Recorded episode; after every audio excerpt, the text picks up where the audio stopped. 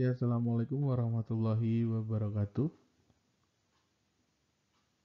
Ya, selamat pagi. Kita ketemu lagi di mata pelajaran saya, Teknologi Jaringan Berbasis Luas. Hari ini akan sedikit berbeda karena kita akan mulai dengan materi yang tidak hanya saya tampilkan di page atau di blog saja, di e-learning ya tapi kita akan coba uh, saya akan presentasi dengan jarak jauh tentang teknologi jaringan berbasis luas uh, yakni di materi mengevaluasi jaringan nirkabel kalian bisa lihat di belakang ini ada banyak sekali hardware-hardware jaringan. Kalian mungkin mengenalnya dengan antena ya. Di belakang ini semuanya antena outdoor jadi alat-alat yang akan digunakan di luar ruangan. Otomatis dengan jarak 1 kilo, 2 kilo, bisa 10 km, sampai 30 km bahkan lebih ya. Dari kecepatan yang mungkin hanya ratusan Mbps ya. Bisa sampai juga gigabit. Kalian bisa lihat nanti akan dipelajari. Sekilas tentang teknologi komputer dan jaringan adalah dua hal yang tidak bisa dipisahkan. Selain sangat berkaitan, keduanya pun senantiasa bisa berimbang dari segi perkembangannya. Contohnya seperti jaringan WiFi misalkan.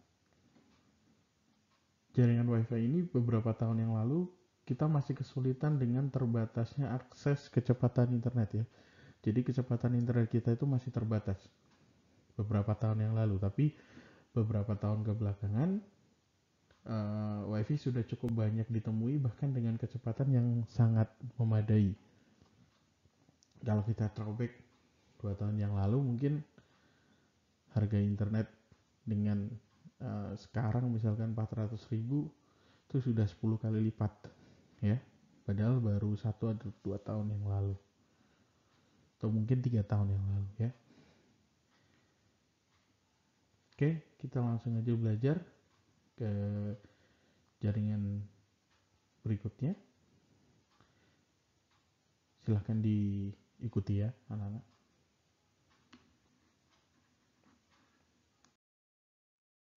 Oke, kita akan masuk ke slide yang pertama. Kalian bisa dilihat tampilannya di slide ini bahwa kenapa saya tulis di sini summary. Uh, kalian harus tahu dulu kita hari ini akan uh, belajar apa. Ya dalam materi ini kita akan belajar apa nantinya. Apa aja sih yang akan dipelajari di jaringan nirkabel satu ya kalian bisa lihat yang paling atas ini. Ya perangkat-perangkat yang ada di jaringan nirkabel mungkin ya meskipun namanya jaringan nirkabel nanti uh, bukan berarti tidak ada kabelnya sama sekali, tapi yang dimaksud di sini adalah uh, perangkat yang nantinya akan menggantikan kabel untuk terhubung dengan perangkat yang lainnya. Ya, misalkan saya berada di Turen, uh, kalian berada di Dampit misalkan ya, kita koneksikan dengan jaringan kabel otomatis dari alat ke alatnya itu tetap harus menggunakan kabel. Akan tetapi antar jaringan wireless, antar antar perangkat nirkabelnya ya yang misalkan yang ada di Turen dan Dambit tadi, nah itulah yang tanpa kabel itulah yang nanti disebut sebagai jaringan nirkabel. Nanti perangkatnya ada apa?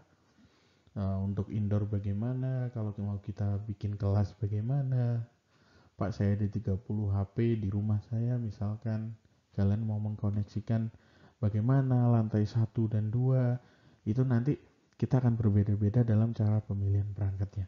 Kita akan lihat di materi-materi selanjutnya. Jadi kita akan bahas hardware-nya ada apa aja sih perangkat jaringan nirkabel. Yang kedua kapasitas jaringan nirkabel ya. Mulai dari oh kalau pakai teknologi A sekian Mbps teknologi B sekian Mbps dan seterusnya. nanti kita akan bahas sampai mungkin sampai gigabit atau mungkin sampai di uh, teknologi wireless yang terbaru ya. Yang ketiga kita juga akan belajar uh, bagaimana menginstalasi sebuah perangkat jaringan nirkabel. Misalkan uh, gimana sih cara pemasangannya ya? Gimana cara untuk memutar ke kanan dan ke kiri. Karena di jaringan nirkabel ketika kita menghubungkan arah dari antena tadi juga akan berpengaruh ya. Atau kita sebutnya nanti uh, mulai dari sekarang sebutnya sebagai radio ya. Antena dari sebuah radio itu nanti akan menentukan bagus atau tidaknya sinyal ketika uh, kita menggunakan jaringan nirkabel jadi bukan berarti kalian bisa seenaknya ya dia dihadapkan ke mana aja enggak. Nanti ada hitung hitungannya nanti ada uh, tiltnya atas ke bawah berapa derajat ke kanan kiri berapa derajat ya. Kita bisa pakai kompas atau pakai uh, alat-alat di jaringan. Uh, maksud saya langsung dengan website jadi kita bisa hitung kita bisa kalkulasikan jaraknya berapa tingginya berapa kita harus bikin tower berapa meter dan lain sebagainya nanti akan uh, saya tunjukkan satu persatu caranya. Kemudian selanjutnya adalah membangun jaringan kabel ya itu masuk di instalasi tadi. Gimana sih kalau kita mau bangun sebuah jaringan kabel pak saya punya dua rumah. Uh, satu di Gedok misalkan. Satu di Setayu pak. Gimana caranya saya bisa menghubungkannya supaya nanti kalau saya lagi di rumah salah satu saya bisa cek CCTV-nya tanpa harus menggunakan internet. Harus berapa ketinggiannya, jaringan nirkabelnya seperti apa, perangkatnya seperti apa. Nah itu kita yang akan kita pelajari nantinya. Yang bawahnya ini konfigurasi perangkat nirkabel. Jadi ketika sudah diinstalasi, sudah selesai, kita sudah hitung, kita sudah bangun, nanti harus kita konfigurasi. Karena alat ini tidak akan berfungsi tanpa kalian konfigurasi ya.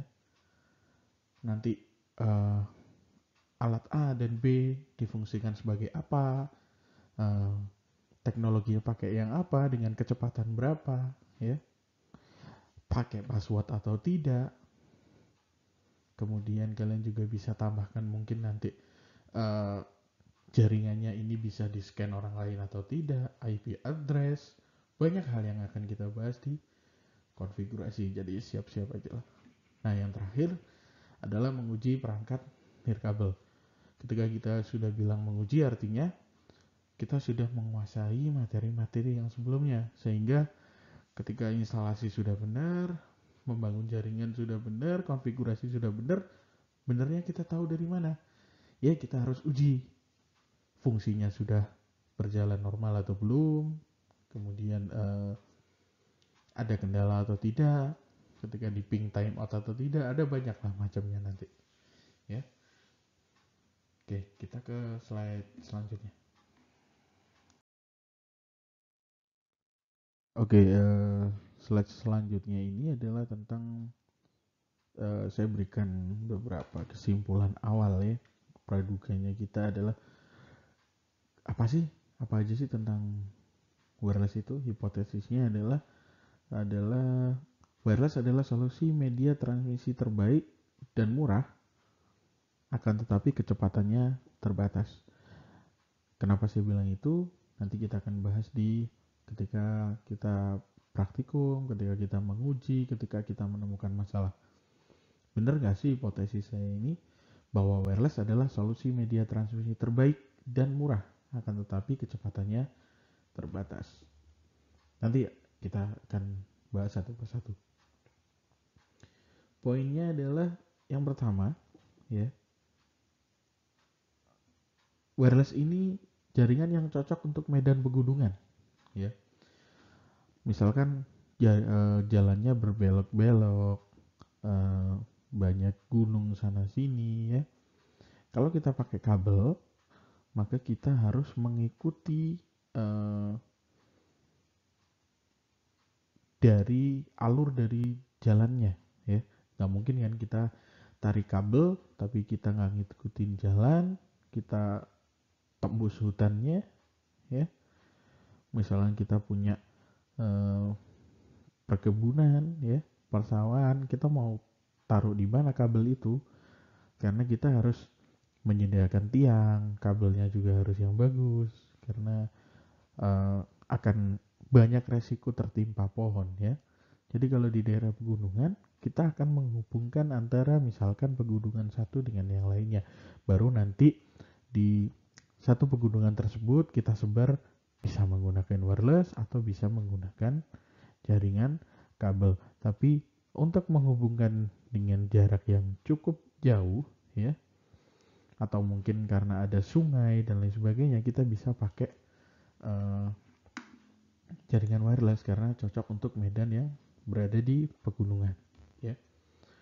Atau daerah-daerah yang belum tersentuh e, pembangunan. Jadi kita nggak nggak perlu nunggu listrik karena kita bisa bikin tower pakai solar cell ya. Pakai solar panel ya. Kita sediakan di situ e, penyimpanan listriknya akinya ya. Nanti dia akan otomatis memproduksi listrik itu sendiri ya. Kita akan hitung alatnya ada berapa ya. Jadi dia konsumsi listriknya berapa nanti kita sediakan. Itu kenapa wireless cocok di medan pegunungan. Yang kedua solusi PTP atau PTMP jarak dekat atau jauh ya. PTP itu point to point PTMP itu point to multi point jadi ketika ada alat A terhubung dengan alat B itu namanya point to point kalau point to multi point, ada satu alat A yang menyebarkan sinyal dikonek oleh alat B, C, D, E, dan seterusnya. Itu namanya point to multi point. Lalu jarak dekat atau jauh itu bagaimana? Jadi mungkin misalkan PTP jarak 1 km, 2 km. Kalau PTMP kan bisa ada yang cuma 100 meter jaraknya, ada yang 200 meter, mungkin rumahnya ada satu lagi yang di satu kilometer. Kita nggak nggak nggak nggak nggak tahu ya berapa nanti ada klaimnya berapa. Yang penting lebih dari satu bisa kita sebut sebagai poin tuh multi poin. Nanti kita juga harus milih tuh alatnya apa aja ya karena PTP dan PTMP bisa aja alatnya nanti berbeda oke yang ketiga media transmisi sementara atau mobil. Jadi misalkan kita punya acara nih di lapangan sepak bola, dia nggak ada jaringan listrik, nggak ada apa, nggak ada jaringan kabel telepon dan lain sebagainya. Ya kita bisa mendirikan antena sementara. Kita bikin koneksi dengan rumah kita misalkan kita mau tayangkan uh, secara live di Instagram atau di uh, YouTube ya. Jadi kita bisa membuat jaringan internet sementara ya atau mobil bisa dipindah-pindah. Asal masih dalam satu coverage sinyalnya itu ya. Yang keempat, jika dihitung dari jarak antar alat yang terhubung, ya, kita ambil contoh jarak di atas 1 km, dia akan jauh lebih murah, ya. Karena kalau kita pakai alat ya yang bagus dengan jarak satu kilometer saja contohnya itu akan berbeda harganya sudah. Jadi harga memang akan sangat menjadi pertimbangan. Kabel memang bagus tapi kalau jaraknya satu kilo ya kita coba perhitungan lagi kalau pakai wireless bisa nggak medannya lebih enak gak gitu ya perangkat cenderung harganya mahal Ya, kalau dari harga memang kelihatannya wireless itu mahal.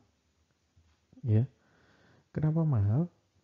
Karena memang dia eh, teknologinya juga bagus dan kita kerja nggak perlu ber, berkali-kali berhari-hari gitu loh. Sekali kerja connect ya sudah gitu Ya. Kemudian tersedia banyak pilihan teknologi sesuai dengan kebutuhan dan jarak. Jadi untuk yang kapasitas 1 kilo, 2 kilo, 10 kilo, 15 kilo itu harganya nanti akan berbeda-beda. Sampai 30 km mungkin. Dia akan punya harga yang berbeda. Jadi kita nggak perlu beli untuk yang kemampuannya 30 kilo. Kalau kita hanya mengkoneksikan dua buah titik yang jaraknya hanya 500 meter misalkan atau satu kilo jadi kita sesuaikan teknologinya dengan kebutuhan dan jarak yang akan kita tempuh yang terakhir uh, wireless ini membutuhkan konfigurasi tingkat lanjut dalam instalasinya. Kalau kabel kita bisa langsung colok, colok, colok, selesai. Kalau wireless nggak bisa. Begitu kamu instalasi selesai, kamu bangun selesai, instalasi kabelnya dan lain sebagainya, kamu harus mengkonfigurasi, ya. Harus benar tuh konfigurasinya. Kalau enggak, koneksinya nggak stabil. Sinyal bagus pun bukan jaminan, ya. Jadi memang di sini dibutuhkan yang namanya pengalaman. Oke, slide ini cukup, kita lanjut ke slide selanjutnya.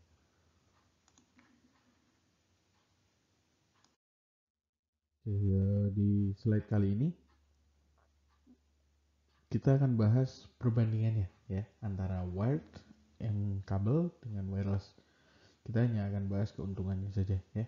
Kita akan bahas kelebihannya. Mungkin nanti kekurangannya ada di part yang lainnya.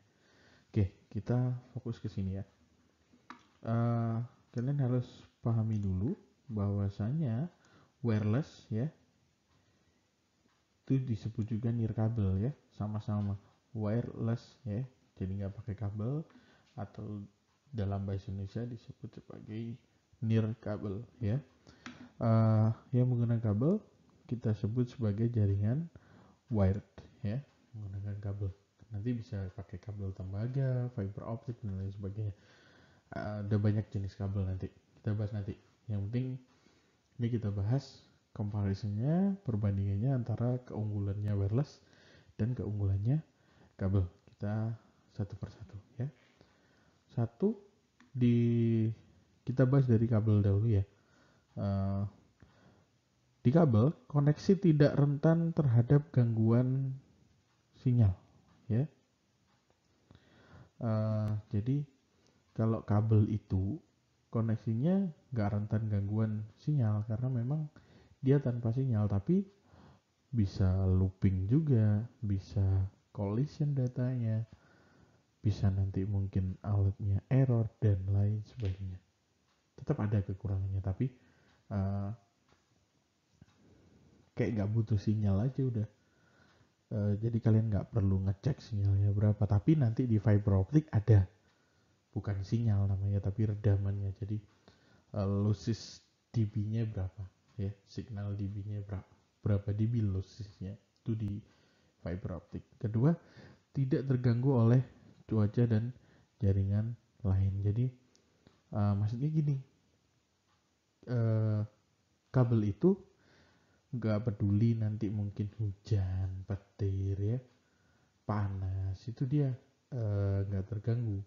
Dan jaringan lain maksudnya gimana? Kalau di wireless itu nanti ada misalkan kamu pakai dua wireless di kelas yang berdampingan itu bisa saling ganggu. Kalau kalian nggak bisa konfigurasinya nggak bisa instalasi yang baik ya nah kalau kabel enggak sih ya kalau kabel ya udah satu ke kelas A satu ke kelas B nanti disebar dengan switch dan lain sebagainya yang ketiga Koneksi jaringan kabel sering kali lebih cepat daripada nirkabel yang memungkinkan kecepatan transfer data lebih cepat ya. Ya, kabel memang lebih cepat daripada jaringan nirkabel ya, tapi juga kembali ke jenis kabelnya. Tapi secara umum kabel itu lebih cepat daripada nirkabel. Tapi lebih tepatnya adalah uh, lebih stabil ya. Bukan lebih cepat aja tapi lebih stabil ya. Tapi kalau kita pakai wireless koneksinya bagus sinyalnya bagus instalasinya benar tingginya benar tidak ada gangguan dari alat yang lain ya bisa juga. Bagus ya. Jadi semua tergantung ke instalasinya yang keempat tingkat keamanan relatif lebih tinggi dibandingkan jaringan nirkabel. Ya karena terhubung langsung serta terpantau hubungannya ya. Di sini yang dimaksud relatif tinggi, keamanannya relatif tinggi itu maksudnya security seperti ini contohnya. Kalau kamu bikin cafe satu meja kamu kasih satu kabel kabel satu kabel kan orang lain nggak ada kabelnya atau orang yang tidak ada di dalam ruangan tersebut kan nggak bisa. Tapi ketika kamu pakai jaringan wireless maka bisa aja orang yang uh, cuman ke situ mampir sebentar connect wireless dan lain sebagainya ya. Mungkin dia ada niat jahat dia uh, ya banyak hal lah ya. Jadi yang dimaksud keamanannya bukan secara jaringannya tapi secara fisiknya tadi. Karena uh, jaringan wireless mau kamu password mau kamu apa pun juga ada aja triknya nanti untuk bobol ya. Uh, makanya di wireless nanti ada apa aja sih keamanannya biar kita benar-benar bisa maksimal ya? Dan keuntungan kabel harganya relatif murah ya. Untuk jarak dekat memang murah tapi kalau jaraknya 15 km ya jelas lebih murah wireless gitu ya. Tahu ya bedanya ya? Bukan karena kita uh, mainnya quantity nih. Kalau 2 km kita hubungkan point to point paling habis berapa? Kalau kita pakai kabel berapa? Kalau 10 km kalau 15 km dan lain sebagainya. Dan bandwidth lebih tinggi jadi kecepatan akses internetnya biasanya lebih tinggi kalau pakai kabel. Tapi kan pakai kabel tuh biayanya banyak ya. Harus ada tiangnya kabelnya juga harus dipilih ya. Ya nanti banyak lah pertimbangannya. Oke kita ke masuk ke bahas uh, keuntungan nirkabel atau wireless yang pertama jaringan nirkabel itu sering kali dapat menangani pengguna dalam jumlah yang lebih banyak karena tidak dibatasi oleh sejumlah port koneksi tertentu ini saya kasih contoh. Bayangin aja misalkan dalam sebuah kelas kalian mau ujian uh, eh, UTS misalnya atau UAS, tiba-tiba ada lima orang lagi misalkan yang di kelas sebelahnya jaringannya bermasalah. Kalau pakai kabel, maka panitia harus menyediakan kabel lagi sejumlah lima untuk lima anak tadi. Kalau kamu pakai wireless ya cukup kasih passwordnya selesai, ya. Jadi untuk penambahan, pengurangan klien nodes itu nggak terlalu ada masalah kalau di wireless. Dia lebih fleksibel aja. Mau nambah-nambah, mau kurang ya, ya udah tinggal dikurangin aja. Tidak karena tidak ada koneksi yang secara fisik terbentuk melalui kabel tadi. Oke, paham ya?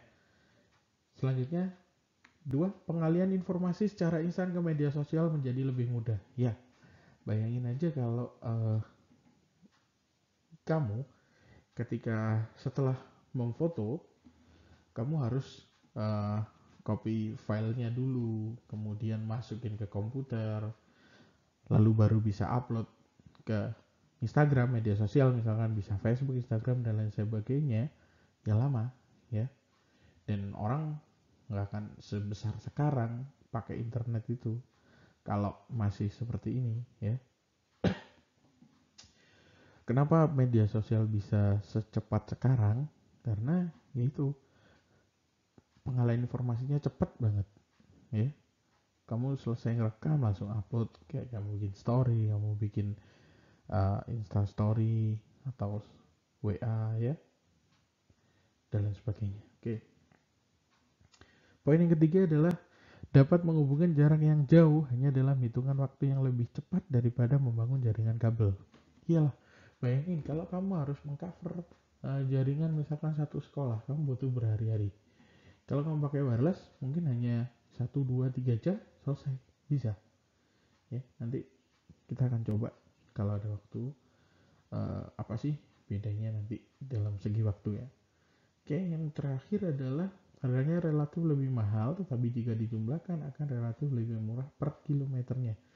Jadi poin ini adalah lawannya dari uh, harganya relatif lebih murah ini ya dia memang lebih mahal tapi kalau nanti kita jumlah ya jatuhnya murah juga bayangin aja kalau rumahmu jaraknya 10 km harus dihubungkan dengan kabel ya lumayan. Wireless adalah solusinya. Makanya di hipotesis saya bilang solusi terbaik dan murah tapi kecepatannya terbatas. Jadi selama kamu tidak membutuhkan kecepatan yang luar biasa cepat wireless bisa dipertimbangkan lah. Dari segi harga dari segi instalasi dan lain sebagainya. Oke terima kasih uh, hari ini sampai di sini dulu. Kita akan lanjutkan uh, besok ya